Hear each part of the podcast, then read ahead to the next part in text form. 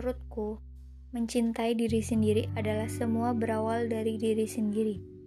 Lebih mentingin diri sendiri dan lebih menghargai diri sendiri. Ya kalau nggak egois buat nyelamatin diri sendiri, siapa yang mau berkorban buat diri ini? Karena pada nyatanya, kalau lagi ada masalah atau apa pun itu, pasti yang harus nyelesain diri sendiri. Egois buat diri sendiri itu penting, apalagi buat nyelamatin hidup.